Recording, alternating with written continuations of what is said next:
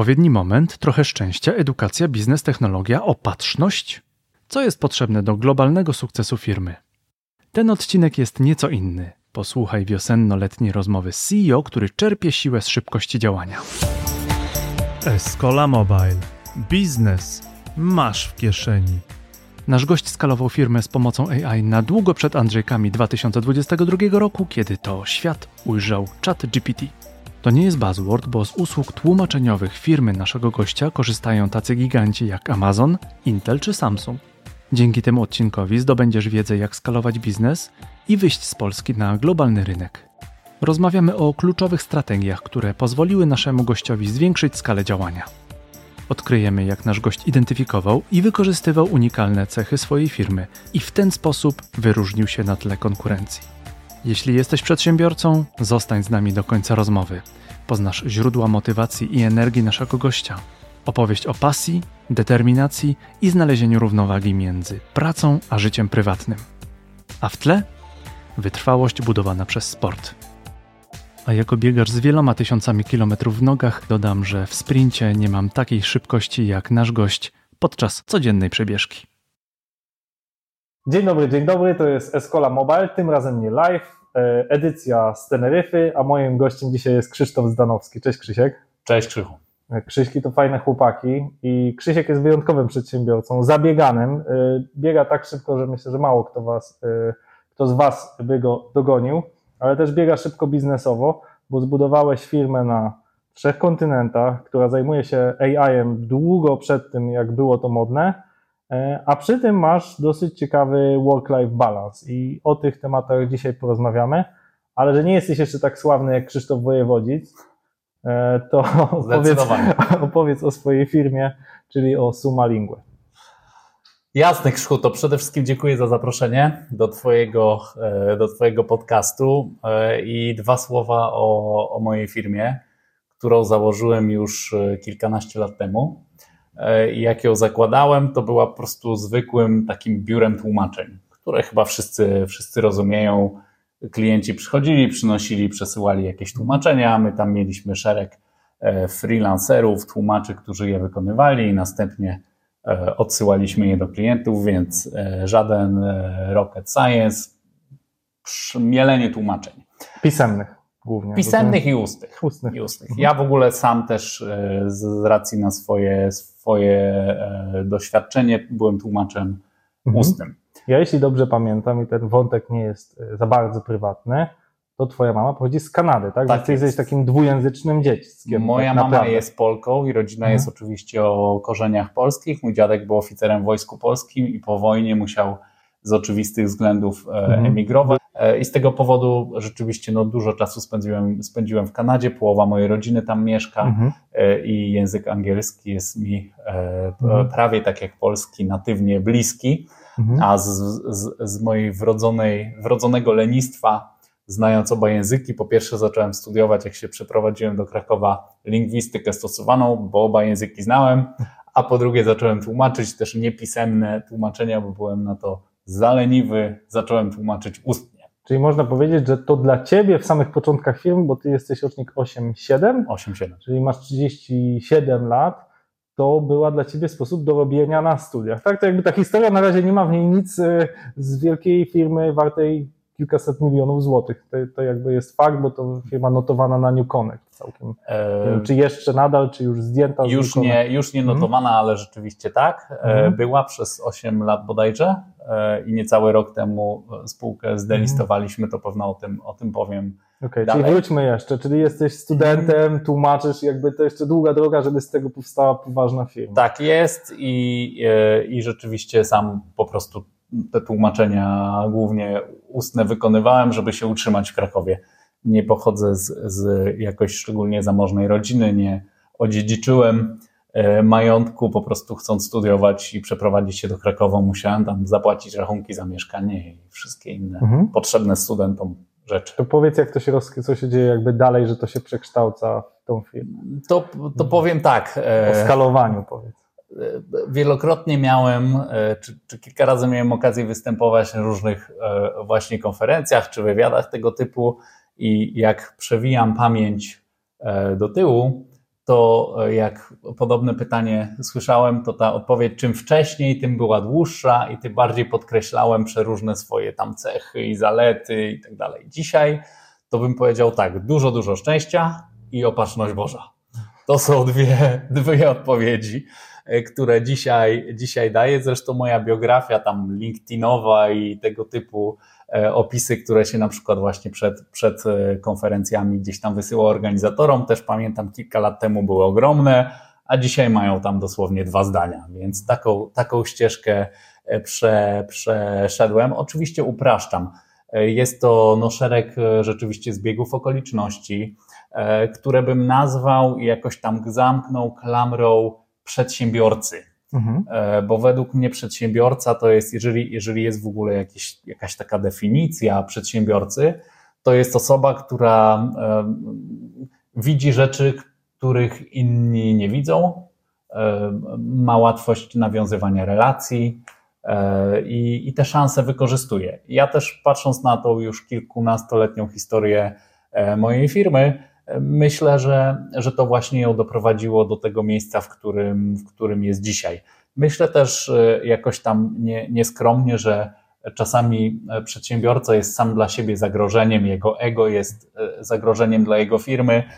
Ja jestem skromnym chłopakiem, tutaj mhm. wiesz, to myślę, że moje ego właśnie nie było mhm. tym, tym, tym, tą przeszkodą na, na no ścieżce rozwoju. Nie? To jest bardzo ciekawy wątek. Zrobię taką dygresję, że zastanawiam się często nad tym wątkiem ego przedsiębiorcy, bo wyszła niedawno ta biografia Maska, gdzie widać, że on właściwie jednak ma jakiś kompleks wobec ojca swojego, że nie osiągnął odpowiednio dużego sukcesu, chciał mu zaimponować, pewnie jakieś rozwiązać swoje jakieś demony z dzieciństwa że to jego też potrafi napędzać, ten jakiś tam kompleks. Mhm. Z drugiej strony znamy e, świętej pamięci Janusza Filipiaka, którego wydaje się, przynajmniej z wywiadów czy biografii, którą wydał rok temu, bodajże czy dwa, e, którą przeczytałem, to, to jego ego małe nie było. On się potrafił sądzić z kimś, że ktoś go tam brzydko nazwał, co wydaje się dość absurdalne, no ale jednak był dos, dosyć z tego przynajmniej znany, wręcz A. powiedziałbym memiczny, y, że jego ego było dość spore, no ale zbudował wielką firmę, więc to chyba jest kwestia dyskusyjna.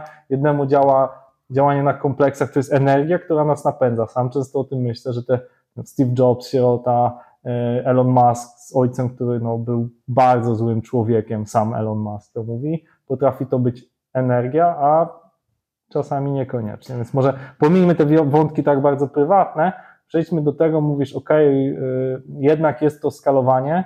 Wiem, że elementem Twojej firmy też było w dużej mierze M&A, ale chciałbym złapać, gdzie jest ten punkt, kiedy odróżniasz się od innych biur tłumaczeniowych. Ich jest bardzo dużo, tak? A Twoja firma działa na trzech kontynentach, zatrudnia kilkaset osób, po drodze kupiłeś ile? Z 10 firm, tak? Kupiliście, masz kilka funduszy inwestycyjnych, to jest parę zasadniczych różnic. Nie możesz tego przypisać tylko Szczęściu. kontaktom, szczęściu, opatrzności. Zdecydowanie. No to mhm. myślę, że tak. Tą historię mojej firmy e, stricte powiązaną też z historią moją osobistą można by podzielić na takie dwa etapy. Etap numer jeden, który gdzieś tam kończy się pewno w roku 2015-16.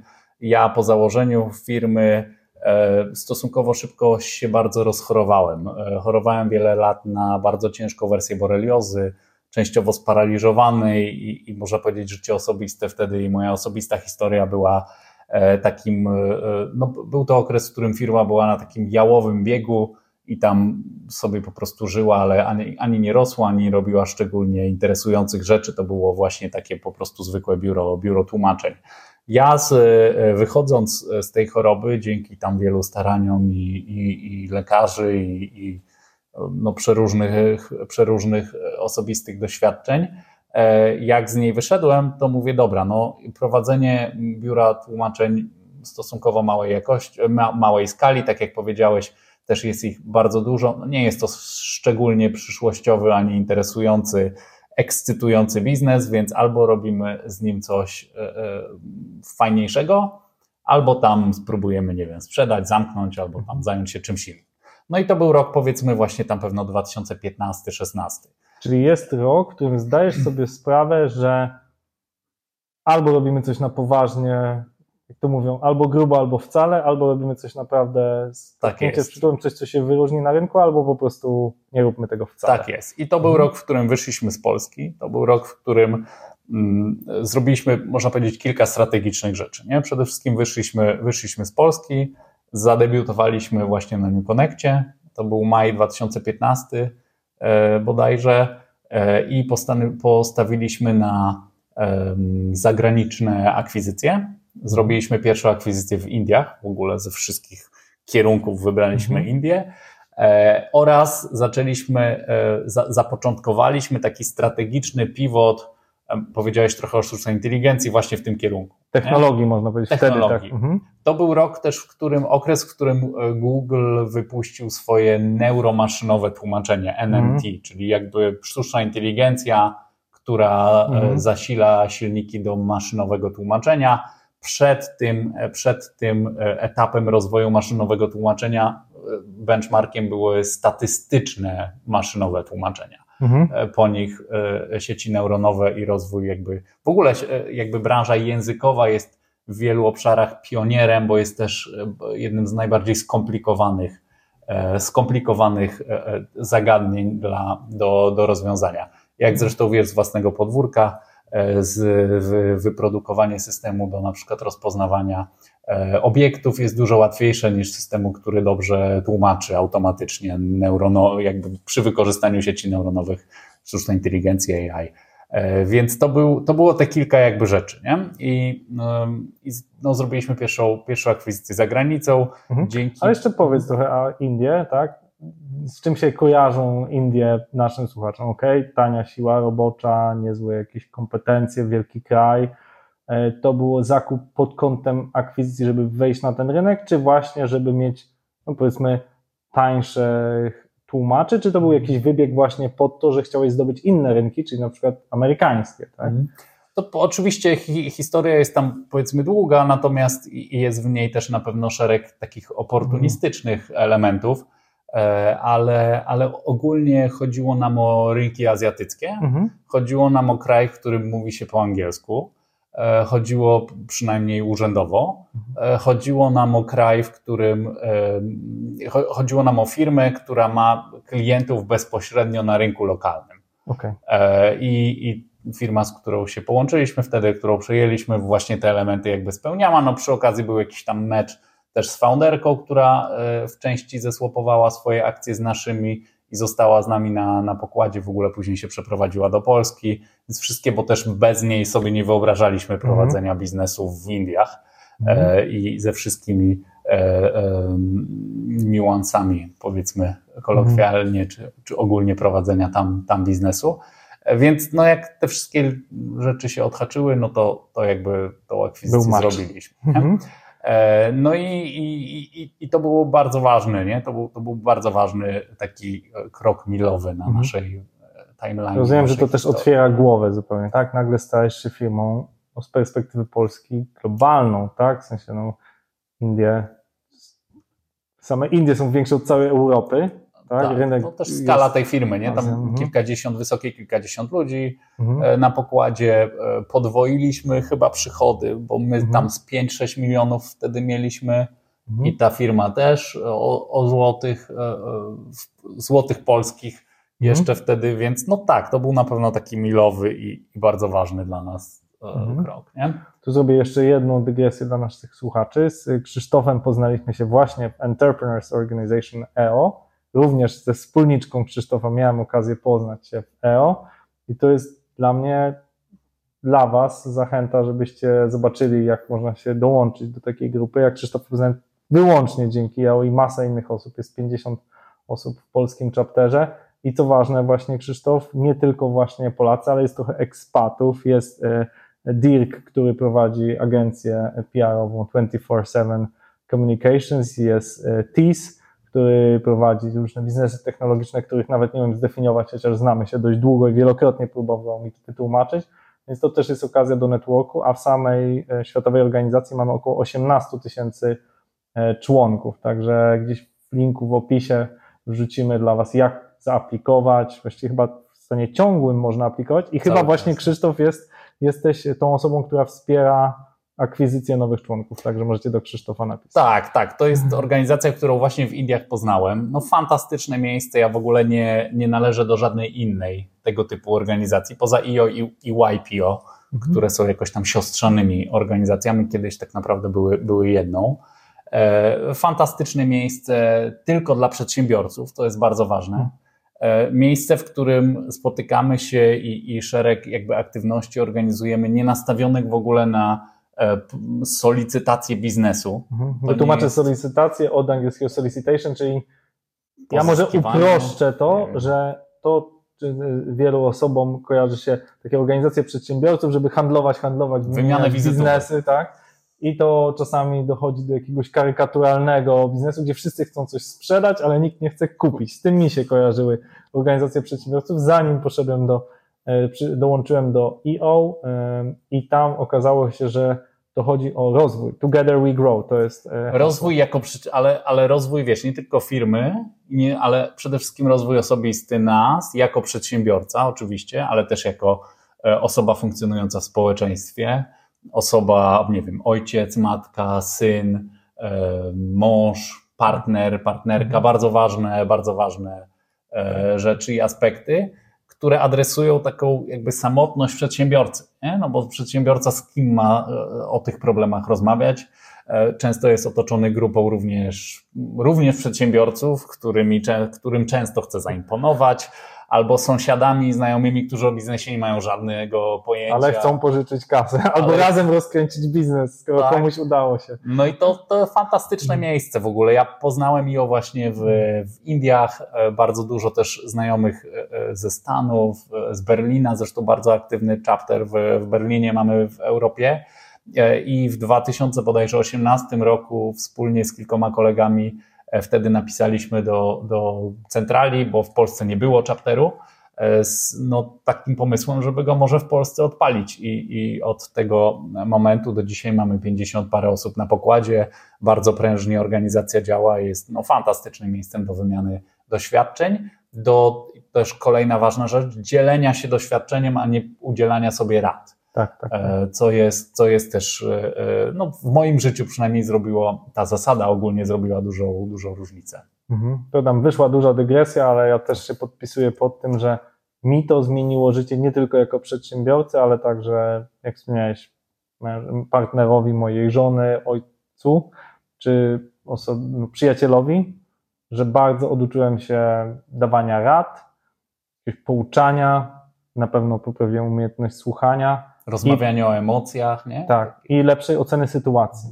Ja, jak rozmawiałem jeden na jeden dwa lata temu, a jak teraz, to czuję się jakby wtedy to robił przedszkolak, teraz to robię powiedzmy licealista. Więc to, to naprawdę warto, jeżeli spełniacie kryteria. Kryterium to jest milion dolarów rocznego przychodu. przychodu, plus, że nikt nie zgłosi weta, czyli no jeżeli z kim komuś zaszliście za skórę, kto jest obecnym członkiem i macie jakieś sprawy nierozwiązane, to je najpierw rozwiążcie, i wtedy na pewno otrzymacie pozytywną rekomendację. Tak okay. jest. No przy okazji szereg możliwości uczestniczenia w globalnych mhm. eventach, spotkaniach, konferencjach, mhm. e, szybka ścieżka do na przykład studiowania na e, e, LSI w, w Londynie. LSI, Harvard, MIT.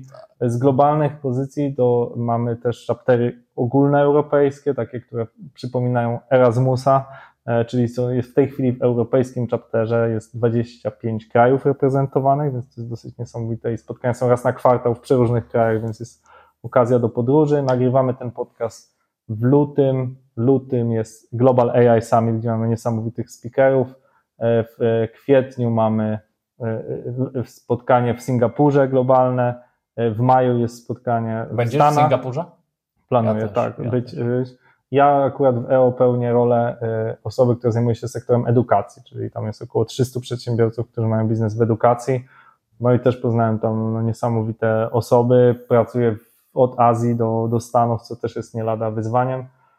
Dobra, wracamy do Krzyśka, do Twojej przygody, czyli pierwsza akwizycja, ja mówię, że to jest coś, co zmienia e, głowę moim zdaniem, otwiera, e, no ale potem ten overnight success, rozumiem, jeszcze zajął parę lat. Na pewno. E, I później jakby przechodząc do takiego kolejnego kroku milowego, to jest właśnie pivot w kierunku, bo już, już w tym momencie te kilkanaście milionów złotych przychodu łącznie mm. mieliśmy e, i zaczęliśmy powoli obsługiwać tłumaczeniowo dalej, ale coraz większe, coraz większych klientów. Mhm. E, powiedz, czyli to jest 2015 rok, przybliżenie, czyli jest ciekawe, akwizycja powiedzmy przy 5-6 mówisz milionach przychodu rocznego, kupujesz firmę, która ma 5 e, w Indiach, robi się, czyli wiecie, skala wydaje się nie taka duża, 10 milionów, a teraz ile za zeszły rok w przybliżeniu to no, było w złotówkach? Sto kilkadziesiąt. Sto kilkadziesiąt, czyli wzrost jest no kilkunastokrotny, licząc za, tak, to jest, no, to jest skala na ile? 7-8 lat, tak? Tak, tak jest. Mhm. E, co się, co się dzieje dalej? Zauważamy, że te trendy mm, sztucz, rozwoju sztucznej inteligencji będą e, motorem gospodarki w, w przyszłości, niedalekiej przyszłości. Zauważamy również, że nasi klienci, bo, bo już wtedy pracowaliśmy głównie dla klientów z sektora IT, mhm. E, high-tech, IT, będą pewno na froncie tego, tej zmiany i tego rozwoju. Więc w ramach oczywiście języków, jakby wielojęzyczności, e, próbujemy sobie znaleźć miejsce.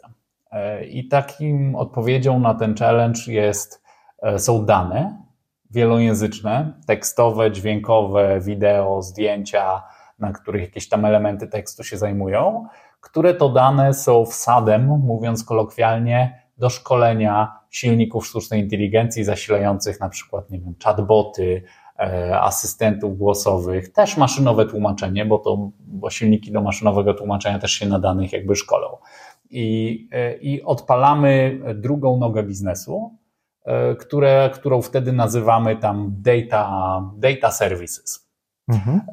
No i, i ten biznes zaczyna rosnąć bardzo szybko, dużo szybciej niż te już ugruntowane i tradycyjne tłumaczenia.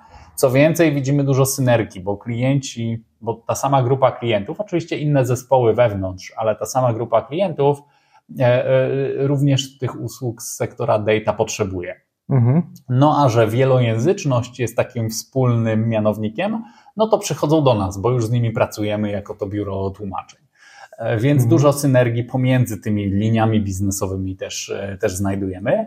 No i później w tym, w tym segmencie data robimy dwie kolejne akwizycje. Już tylko firm zajmujących się tymi usługami dodajemy szereg innych usług, e, pod tytuł, już nie tylko związanych jakby z, z, ze zbieraniem danych, mhm. E, data collection, tak po, po polsku zbiera, zbieranie danych nie brzmi mhm. ładnie, ale data collection, dodajemy usługi anotacji, labelingu, E, bardzo tagowania danych e, i idziemy w coraz większą specjalizację i sektor jakby NLP.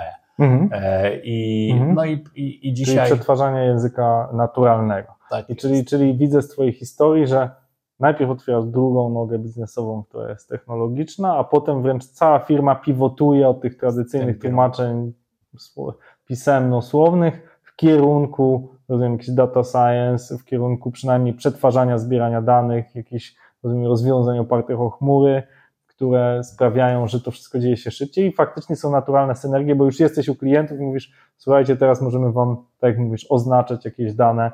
Rozumiem, że też w rynku tłumaczeń są pewne tłumaczenia, które muszą być bardzo wysokiej profesjonalności, jakieś umowy przez tłumaczy przysięgłych, ale jest też masa rzeczy, gdzie coś może maszyna przetłumaczyć, bo to jest ogromna ilość danych i w sumie nie warto przeznaczać czas dla człowieka, i, i widać, jak, ta, jak tutaj nam odjeżdża ten pociąg coraz tak, szybciej. No, naszymi klientami dzisiaj są tylko duże e, i bardzo duże firmy, mhm. korporacje, które działają globalnie i w których ten element całej układanki zarządzania kontentem wielojęzycznym jest stosunkowo skomplikowany. Mhm. I takie wdrożenia kosztujące e, rocznie kilka, kilka milionów dolarów, to są wdrożenia, w których oczywiście maszynowe tłumaczenie, też z wielu silników, z wielu źródeł jest elementem układanki, ale my dzisiaj zajmujemy się całym tym wdrożeniem od początku do mhm. końca. Mhm. E, czyli zasysamy kontent z wielu CMS-ów, PIM-ów, różnych innych miejsc, w którym ten kontent się, się znajduje.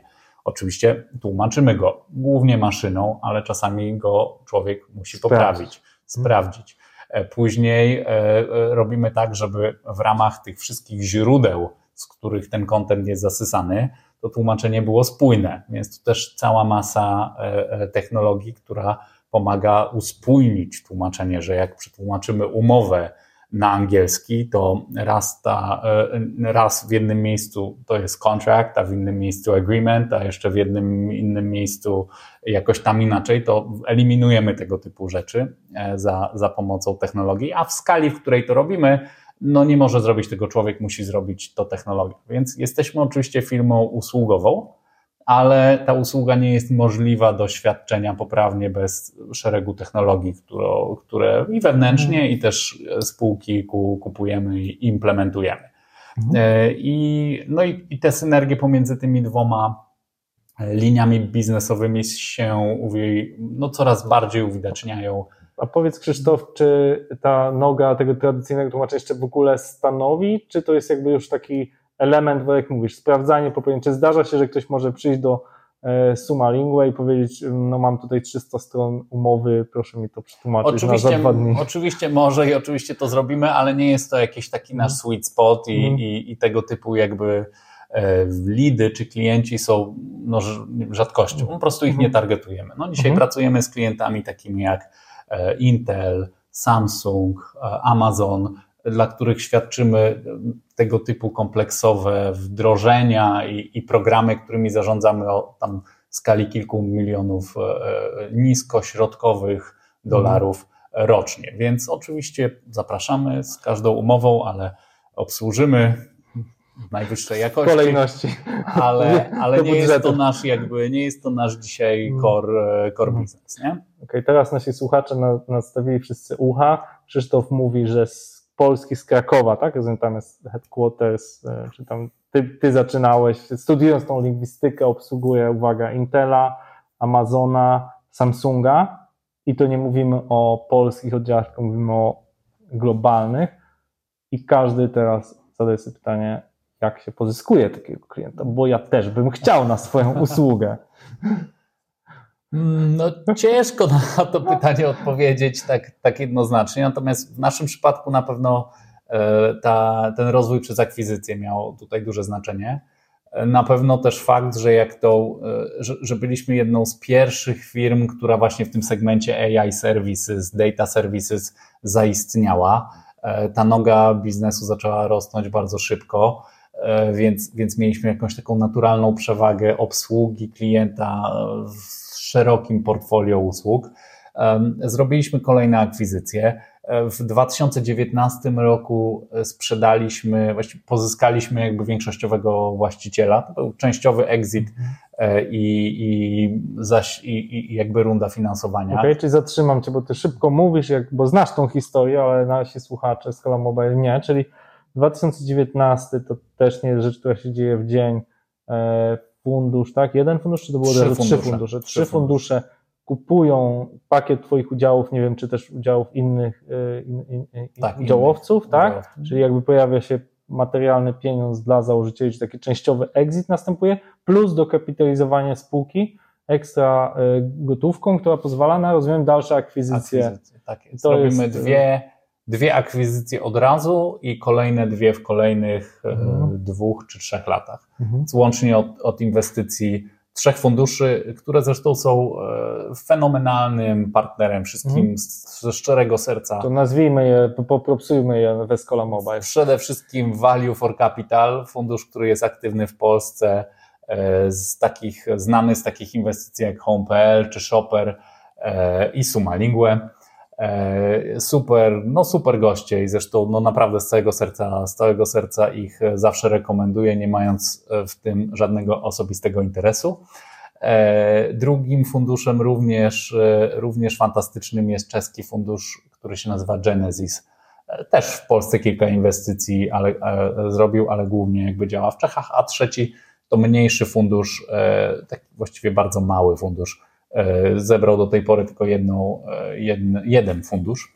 E, nazywa się Espira, również, również z Czech. Mhm. Wszystkie trzy są, są naprawdę super i tam jak szukacie, drodzy oglądający i słuchacze, finansowania typu private equity w takim tikecie rzędu kilkanaście milionów euro, czy mniejszościowego, czy większościowego, to na pewno są to trzy adresy, mhm. do których warto napisać. Przede wszystkim V4C mhm. z, z siedzibą w Luksemburgu, ale oddziałem w, w Warszawie. Mhm. Okej. Okay. To jest bardzo fajna strategia rozwoju. Myśmy w Escola też trochę z tego skorzystali. Też zrobiliśmy parę akwizycji, zresztą wspomniany przez Ciebie fundusz HomePR, Shopper, no to przez naszego członka Rady Nadzorczej Marcina Kuśmierza też temat, e, powiedzmy, widzę tutaj połączenia e, w tym temacie mm, i to domyślam się jest dosyć eksploatujące. I chciałbym teraz zrobić rozdział na temat tego, skąd ty czerpiesz energię. Powiedzieliśmy trochę o samotności foundera. Okej, okay. ja też czasem zwierzam się żonie z różnych problemów. Piękne jest to, że moja żona zazwyczaj mówi: Jesteś mądry i będziesz wiedział, co robić. To znaczy, ona nie próbuje mi doradzać. To jest e, bardzo ważne, bo, bo uważam, że bardzo trudno jest komuś doradzić, bo e, ktoś może A tak mi doradziłeś, więc to jest też niebezpieczny rejon E, natomiast wsparcie jest ważne. No ale czasem trzeba też zderzyć myśli i chciałem Cię zapytać, jak, skąd Ty czerpiesz energię, jak znajdujesz te właściwe odpowiedzi? Słuchaj, to, to bardzo dobre pytanie i, i myślę, że poruszyłeś sedno i, i, i clue odpowiedzi. E, powiedziałeś o swojej żonie. Ja też mogę powiedzieć, że chyba jeżeli byś mnie zapytał o najlepszą decyzję, jaką w życiu podjąłem, to było to był, e, to, to był ślub z moją pierwszą i aktualną e, jedyną żoną.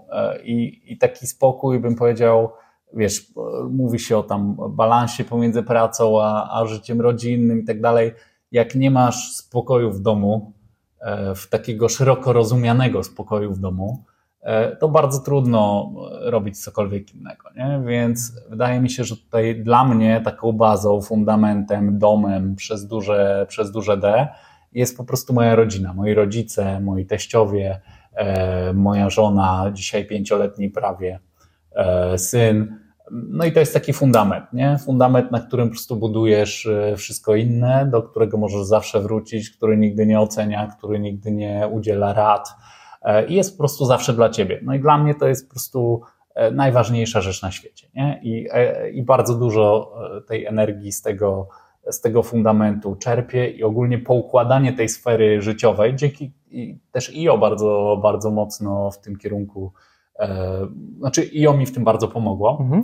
E, to, to, ja podkreślę tą dygresję, że mówimy, że to jest organizacja dla przedsiębiorców, ale właśnie nie o sprzedawaniu, tylko o staniu się lepszym człowiekiem. Jeżeli nie, nie, nie mówię tutaj, że jest na to uniwersalna metoda, że każdy musi być w długim związku, ale poukładanie swojego otoczenia sprawia, że jesteśmy skuteczniejszymi przedsiębiorcami. Zdecydowanie. Zdecydowanie. Okej, okay. czyli życie rodzinne e, to jest dla Ciebie taki fundament, który po angielsku jest takie słowo grounded, nie wiem jak po polsku to się mówi, ale sprawia, Uziemione. że masz bazę. Tak? Uziemienie.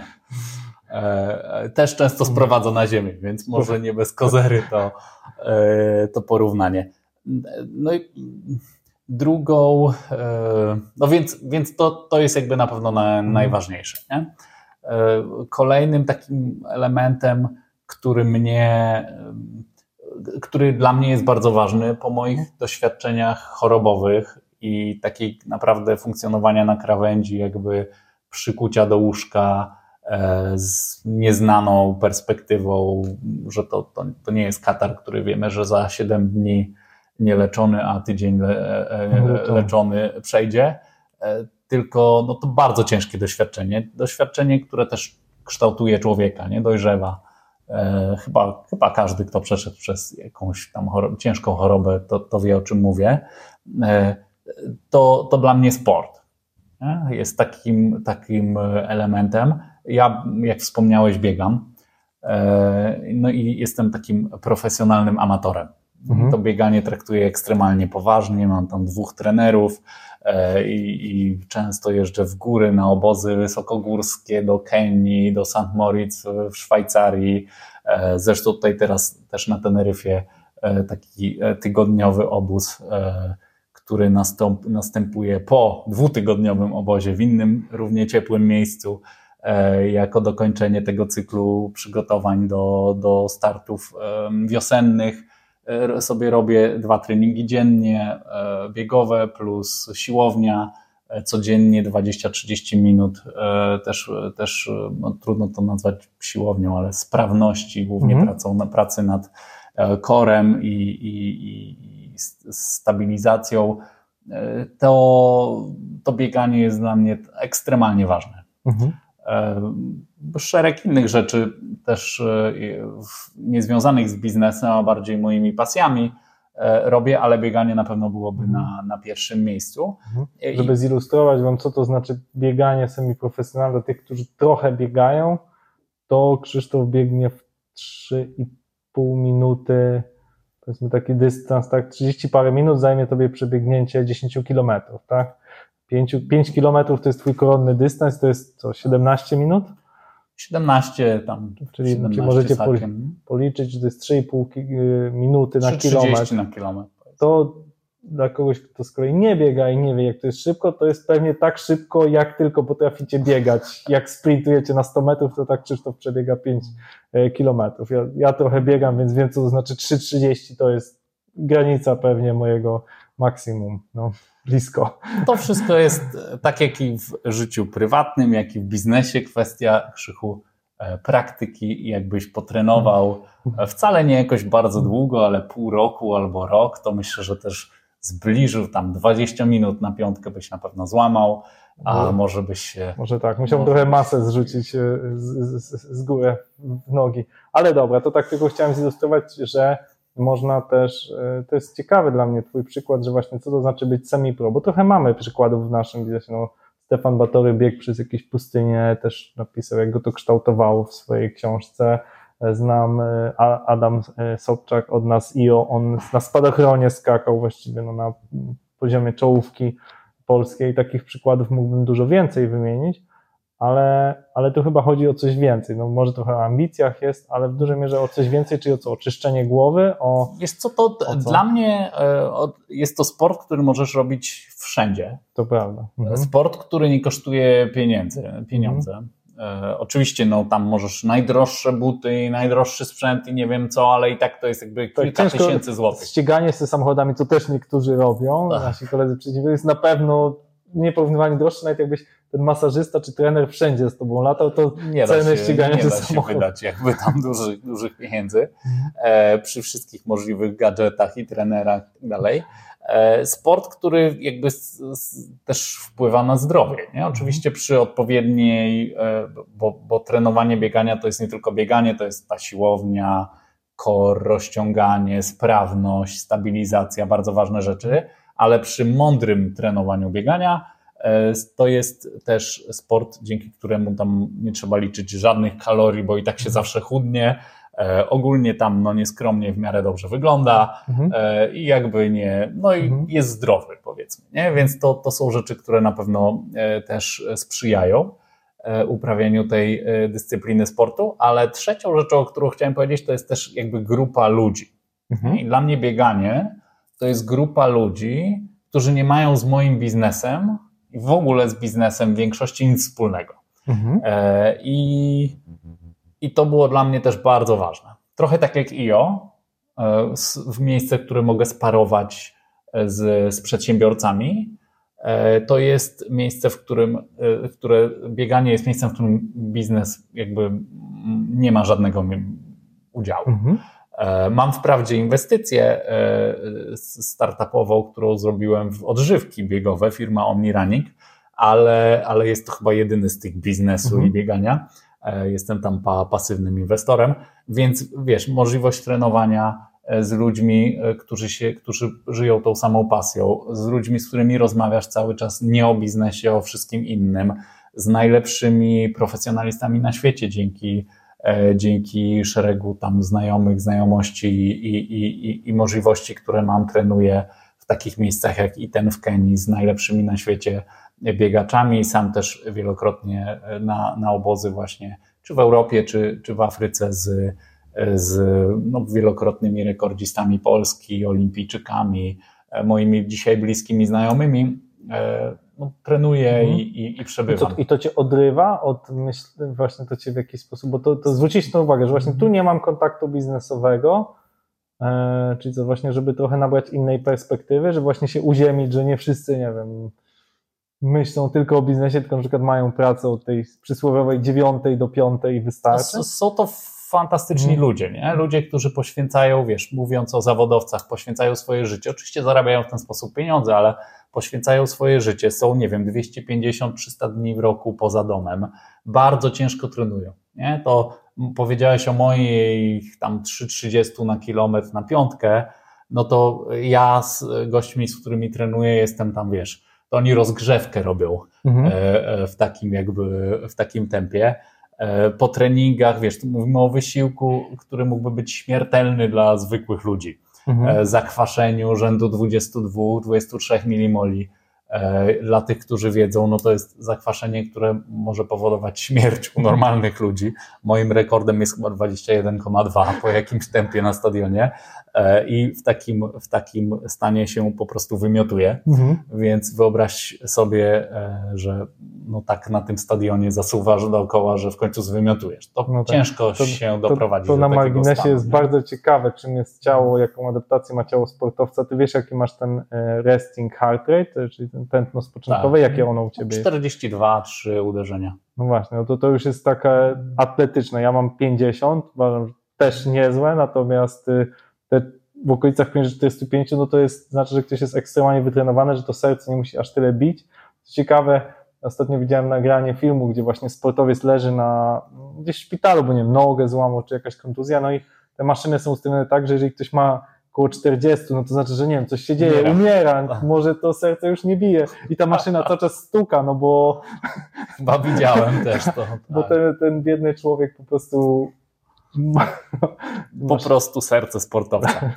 E, no więc, e, więc te wszystkie elementy po pierwsze mnie jakoś tam mhm. fascynują, po drugie jest to rzeczywiście takie miejsce, w którym no zapominasz o wszystkim i oglądasz ludzi, pracujesz z ludźmi, przebywasz z ludźmi, którzy są naprawdę najlepsi na świecie w swojej kategorii. Nie? Mhm. Olimpijczycy, wielokrotni medaliści, rekordziści Polski, e, Zresztą z Marcinem Lewandowskim jesteśmy właśnie wspólnikami w, w tym biznesie od, dla odżywek mm. dla mhm. biegaczy Omnirunning. No, zupełnie inna perspektywa. My, jako przedsiębiorcy, ty, ja, staramy się być najlepszymi biznesmenami, przedsiębiorcami w swojej, w swojej dyscyplinie biznesowej. Mm. To są goście, którzy starają się i chcą i są najlepsi na świecie w bieganiu. No, też dużo takich, wiesz, dużo takiego biznesowego połączenia mm. można z tego, doświadczenia można z tego E, wyciągnąć. Zresztą ciężka praca, e, wytrwałość to jest sport niezwykle wymagający i niewdzięczny, nie? bo możesz tam najlepsze przygotowanie, to zawsze daję, przykład mojego trenera, e, który jest byłym chodziarzem, drugim w historii Polski chodziarzem, jeśli chodzi o osiągnięcia, który przed igrzyskami w Rio, do których był fantastycznie przygotowany, złapał na urodzinach e, koleżanki swojej córki przeziębienie, grypę i z tego powodu na igrzyska nie pojechał. No cztery lata przygotowań, morderczej pracy, o której mhm. jakby mówiłem. No i wiesz, zachorujesz i koniec, nie? To. Następna okazja za 4 lata, mm, tak. albo nigdy. A jak masz 30 mm. lat albo 30 parę lat, to już następnej okazji nie mm. będzie, nie?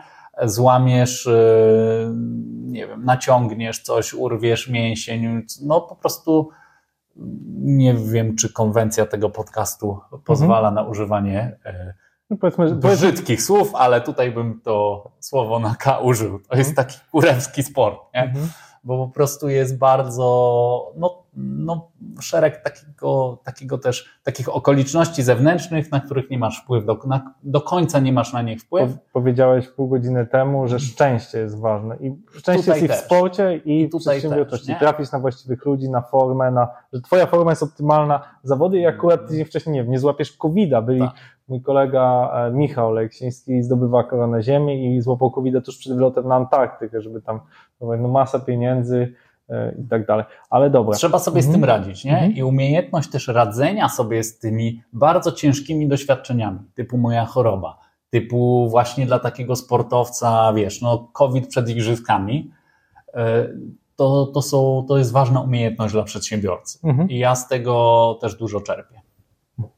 Krzysztof, chciałem Cię jeszcze zapytać o wspomniany już kilkakrotnie temat sztucznej inteligencji, bo mówisz, że twoja firma robi taką hybrydę z, z dominacją już coraz więcej tego tłumaczenia maszynowego, e, ale też z tym komponentem człowieka, e, który to sprawdza, szczególnie w tych istotnych aspektach, umowa jakaś, czy, czy, czy jakieś bardzo istotne elementy, które stanowią wizytówkę firmy, albo mogą stanowić jakichś kluczowych aspektach. Ja jednocześnie zdaję sobie sprawę, że te modele językowe są coraz bardziej zaawansowane. To, co ja robiłem nie tak dawno temu, co kosztowało wiem, 2 miliony dolarów, żeby zbudować tak zwanego RAGA, czyli jakąś uwektorowaną bazę danych. Dzisiaj można zrobić za ułamek tej kwoty, za 2000 dolarów, pakując to wszystko do gotowych komponentów czata GPT. To może nie jest idealnie aż tak dobre, ale naprawdę może o 2% e, gorsze. I chciałem Cię zapytać, czy Ty nie obawiasz się, że za chwilę, nie wiem, kolejna iteracja czata GPT, to co pokazał Samsung przy teraz najnowszej premierze telefonów, czy jeszcze, być może używając Twojej technologii, nie wiem, ale... Chyba tam nie mogę oficjalnie o tym mówić, nie wiem jakie NDA mamy podpisane, ale bardzo możliwe, że tak. To, to, że to będzie element, który, że za chwilę to po prostu stanie się tańsze, że ktoś Was wyprzedzi, tak? OpenAI czy ktoś inny. Tak, więc y, dla nas to przede wszystkim taki GPT moment, e, czy LLM moment, który przeżywaliśmy wszyscy rok temu, e, to stał się właśnie w 2016 roku. Wraz z e, odpaleniem przez Google'a neuromaszynowego tłumaczenia NMT. Więc my jesteśmy już dawno po tej erze implementacji sztucznej inteligencji w naszym codziennym życiu tłumaczeniowym. Mhm. Więc i, i co się stało mm, od tamtego momentu? Rzeczywiście na przykład jednostkowe ceny tłumaczenia spadły, ceny, szybkość dostarczania tłumaczeń znacznie wzrosła, jakość maszynowego tłumaczenia stała się nieporównywalnie lepsza, ale ilość kontentu, który jest produkowany w tak wielu formatach, w tak bardzo kompleksowych układankach korporacyjnych, o których mówiłem, sprawia, że nasze usługi są tym bardziej potrzebne. Więc e, historia pokazuje, bo dla nas już to jest wieloletnia historia, e, że rozwój technologii tylko przyspiesza e, mhm. wzrost przynajmniej naszego biznesu. Oczywiście małe, tradycyjne biura tłumaczeń, które tam, tak jak mówiłeś o tej umowie, którą ktoś przynosi i poprosi o tłumaczenie, pewno mają problem. Ale nasza firma nie. I to, jest, to są te decyzje z 2015-16 roku, które przewidzieliśmy i, i, i podjęliśmy w prawidłowym kierunku. Natomiast druga noga naszego biznesu, która dzisiaj już jest e, połową, a, a zaraz będzie większością naszego przychodu, no to rozwój sztucznej inteligencji jest naturalnym driverem popytu na te usługi. Bo ten rak, o którym wspomniałeś, to my dostarczamy do niego dane, to my budujemy pipeliny danych wielojęzycznych, my te dane czyścimy, my e, fine-tunujemy, czyli mhm nie wiem jak to po polsku dobrze, oczyszczacie, dobrze oczyszczamy. do, dane, tak, do, oznaczacie, mówiłeś, tagujecie jakieś labelingi. Tak, tak, żeby ta, żeby, żeby ten model na przykład OpenAI czy Lamy od, od Meta dobrze działał w wielu językach, te wektorowe dane bazy, e, bazy danych, które w tych ragach funkcjonują, to są, to, to są nasze e, produkty, e, więc ogólnie rozwój LLM-ów był dla nas, miał duży pozytywny wpływ na nasz biznes. No i szereg też problemów z, z produktami, zasilanymi sztuczną inteligencją pod tytułem na przykład e, gender bias. E, znowu nie znam polskiego mhm. słowa, ale mhm. że jak mówimy o uprzedzenia związane z stereotypem, tak? no jak mówimy na przykład o doktorze, to czy to jest pan doktor, czy pani doktor, albo żeby tego, te, wszystkie te takie memiczne i głupie błędy, które, które na przykład maszynowe tłumaczenie e, popełnia, albo jak wpiszemy, e, nie wiem, typowy lekarz, to wyświetli się biała kobieta. Albo mm, jeszcze. Albo pielęgniarka, wyświetli się no kobieta właśnie, pielęgniarka. Nawet zresztą nie ma słowa po polsku, jest e, Dokładnie. chyba pan, influencer, pan pielęgniarka, on siebie okay. nazywa, okay. książkę wydał, tak, pan pielęgniarka. No więc to było kilka takich jakby memicznych i, i, i wpadek, e, ale no to żeby te, wyeliminować tego typu problemy w wyszukiwarkach, czyli cały w ogóle sektor, który się nazywa Search Relevance. to, to są usługi, które my świadczymy. To są długie, wielo, często miesięczne projekty, żeby e, szczególnie w takich językach jak polski e, próbować wyeliminować. E, trzecią kategorią jest analiza sentymentu, sentiment analysis, żeby, żeby te produkty i aplikacje, usługi dostarczane przez tych prowajderów odpowiednio rozpoznawały twój, twój nastrój. E, to są rzeczy, to są usługi, które właśnie my, my świadczymy. Bardzo dużo, e, coraz bardziej zaawansowanych usług, e, czy podusług w szeroko rozumianym sektorze NLP, NLP który no, jest na fali wzrostowej, sam doskonale ze swojego też biznesu o tym wiesz, więc tutaj widzimy jakby pewno w takim nawet pięcioletnim horyzoncie, że jak dzisiaj to jest 50 na 50 z tłumaczeniami, E, e, ogólnie rozumianymi tłumaczeniami, to za 5 lat pewno będzie, nie wiem, 70-80% versus 20 i to nie znaczy, że tłumaczeń będzie jakby wolumenowo mniej, to znaczy, że sektor danych, sektor dzisiaj już e, e, mówimy, mówimy na tą linię biznesową multilingual AI services, czy AI services, będzie dużo większy, bo no, ten rynek rośnie po prostu dużo szybciej i była to zdecydowanie w historii firmy najlepsza decyzja, żeby ten pivot w kierunku właśnie e, AI wy, wykonać. Fantastycznie. A powiedz, jakie masz plany 2024 rok? Firma tak, 5 lat nie, niecałe po tej rundzie inwestycyjnej, częściowym exicie. Jakie są Twoje plany? Skoro no, fajnie to wygląda i wygląda na to, że bardzo dobre perspektywy przed Tobą. Jakie masz dalsze plany Ty jako przedsiębiorca czy firma? Jeżeli możesz zdradzić, już nie jesteście notowani, więc możesz bez ESPI trochę opowiadać. Tak, no to chyba, chyba nie, nie tajemnicą e, jest to, że jak decyduje się na małżeństwo z funduszem private, z funduszami private equity, to przychodzi moment rozwodu z nimi i w tym przypadku jest to dobry, dobry rozwód. E, więc oczywiście w, w biznesem funduszy private equity jest kupowanie i sprzedawanie firm. Pewno też naszą firmę czeka e, taki exit. Mhm. No i trochę zależy od tego. Ja dzisiaj mam mniejszościowy pakiet w firmie i, i oczywiście tymi korporacyjnymi, strategicznymi decyzjami w tym, w tym, w tym zakresie e, kieruje nasza Rada Nadzorcza, której większość ma, ma, mają właśnie te przedstawiciele tych funduszy. E, no przyjdzie ten moment, w którym oni będą musieli sprzedać swoje akcje i wymienić. I z nimi pewnie, jakieś tam są opcje. To zależy, Nie wiem jak to. To zależy, oczywiście DRAK i tak, i te wszystkie korporacyjne jakby mechanizmy mamy, natomiast to zależy trochę od tego, kto będzie tym kupującym, nie? Jeżeli to będzie na przykład stratek, co jest bardzo możliwe, no to pewno wtedy e, na przykład ja i, i, i też zarządzający dzisiaj biznesem, też warto powiedzieć, ja dzisiaj jestem prezesem e, Sumy i odpowiadam rzeczywiście za głównie rozwój przez akwizycję, trochę zarządzanie też relacjami z naszymi właścicielami, E, ale biznesem zarządza profesjonalny zarząd. Mhm.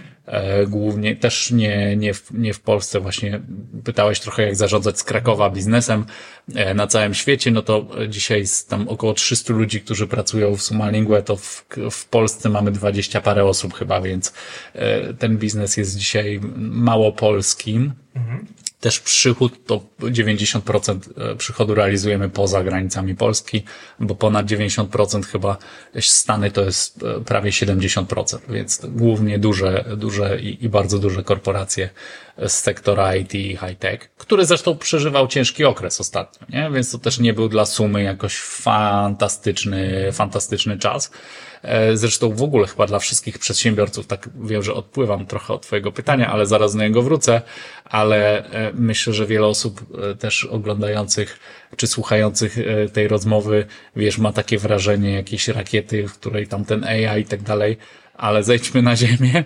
E, jest to, e, jest to też historia, w której było wiele porażek, wiele bardzo trudnych momentów e, i jak wszyscy inni przeżywaliśmy COVID, przeżywaliśmy inflację, przeżywaliśmy ten okres zwany The Great Resignation, w którym mm. bardzo dużo ludzi odchodziło, zmieniało pracę, przeżywaliśmy wojnę za granicami, później inflacji i tak dalej. To było naprawdę cztery lata, w którym skumulowały się jakieś eventy światowe, zupełnie od nas niezależne, które miały też bardzo duży wpływ na nasz, nasz biznes i jak nasi klienci, a właśnie tak się stało, masowo zwalniają ludzi, Amazon, historie, które są e, jakby publiczne, no to my z tej czkawki łapiemy, czy z tego Kataru E, e, łapiemy również przeziębienie czy grypę.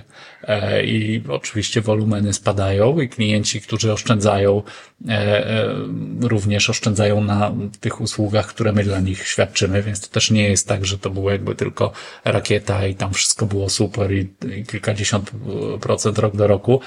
Były też ciężkie, ciężkie okresy i takim był rok 2023, w którym no, sektor IT dostał mocne, mocno po garach, mówiąc kolokwialnie po polsku. Ale wracając do Twojego pytania, tak, przyjdzie ten moment, w którym nasi właściciele będą musieli sprzedać swoje akcje, a w zależności od tego, kto będzie ich kupcem w ramach takiego zorganizowanego procesu e, exitu, e, no to my, ja, albo zostaniemy i będziemy dalej spółką zarządzać, na co jakoś tam liczymy, bo no, ta perspektywa właśnie szczególnie rozwoju sztucznej inteligencji AI jest dla nas na pewno bardzo ekscytująca jako zarządu. Mhm. Jeżeli by był to kupiec kupujący finansowy, kolejny większy już fundusz private equity, to na pewno tak będzie, ale jeżeli naszą spółkę kupi stratek, to wtedy pewno będziemy synergią. Mhm. Czyli e, no ja wtedy pewno też do końca już sprzedam swoje, swoje akcje i e, ze spółki Strateg, operacyjnej. czyli strategiczny inwestor, tak branżowy. Tak, branżowy. Mhm. E, inwestor branżowy, czyli firma z naszej branży albo branży pokrewnej, która chciałaby tam, tak jak my się rozwijaliśmy przez akwizycję, też zakupić naszą spółkę, wtedy zazwyczaj jest to 100% i rozwijać się dalej wspólnie. Słuchajcie, Krzysztof Zdanowski dzisiaj był gościem Escola Mobile. Niewątpliwie był to jeden z najbardziej takich prywatnych, ocierających się o Twoje doświadczenia osobiste. Dziękuję, że się nimi podzieliłeś. Mieszane w to, co się dzieje w związku z AI. I mi się wydaje, że przykład Twój Krzysztof jest takim bardzo prawdziwym przykładem, co można zrobić w związku z uczeniem maszynowym z zupełnie tradycyjnej branży, tłumaczeń, z prywatnych doświadczeń. Jesteś rok ode mnie e, młodszy. Duża też Dużo też od Ciebie się nauczyłem w związku z tym, jak te relacje wpływają, że z kimś z biegania, chociaż mówisz, że to nie biznes, ale założyłeś z Marcinem Lewandowskim biznes, zainwestowałeś, nie podzieliłeś się jeszcze wieloma innymi historiami, ale to Wam zostawiam, żebyście właśnie może zapisali się do EO, dzięki temu poznacie lepiej Krzysztofa e, i wielu podobnych przedsiębiorców, którzy są w tej organizacji. Tu jeszcze raz przypomnę, że jest link na dole jak i jakbyście chcieli porozmawiać o temacie zlecenia do przetłumaczenia 300-stronicowej umowy, to was jeżeli... pokieruje do odpowiedniego biura tłumaczy. to już jest wejście uważne tej rozmowy, to Krzysztof was pokieruje. Dzięki Krzysztof. Tak, dziękuję bardzo, a jeżeli byście się chcieli dowiedzieć więcej o, o mojej historii, historii mojej firmy, to zupełnie za darmo, jak tam napiszecie na LinkedInie, czy na Facebooku, czy na Instagramie, to wam wyślę książkę. Książkę, którą napisałem dwa lata temu na dziesięciolecie, e, dziesięciolecie Sumalingue i ją wam wyślę. Pięknie. Napiszcie do Krzysztofa. Dzięki jeszcze raz. Dzięki. Dzięki jeszcze raz. Escola Mobile. Biznes masz w kieszeni. Dziękujemy za Twój czas i za to, że spędziłeś go z nami. Wierzymy, że dzielenie się wiedzą jest dobre. Ty masz trochę wiedzy, ja mam trochę wiedzy, wymienimy się i mamy jej więcej. Wiedza, którą się dzielisz, rośnie. Dlatego, jeśli ten podcast dał Ci coś nowego, nauczyłeś, nauczyłaś się na przykład podejścia do sportu i wykorzystania go w biznesie, prosimy, podziel się tym podcastem z innymi. Udostępnij go na Facebooku, LinkedInie, X, opowiedz o nim swoim znajomym. Być może ktoś z nich skorzysta z doświadczenia Krzysztofa Zdanowskiego. Dziękujemy, że jesteś z nami. To był 172 odcinek podcastu Escola Mobile.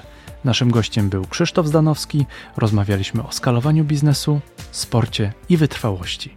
Do usłyszenia.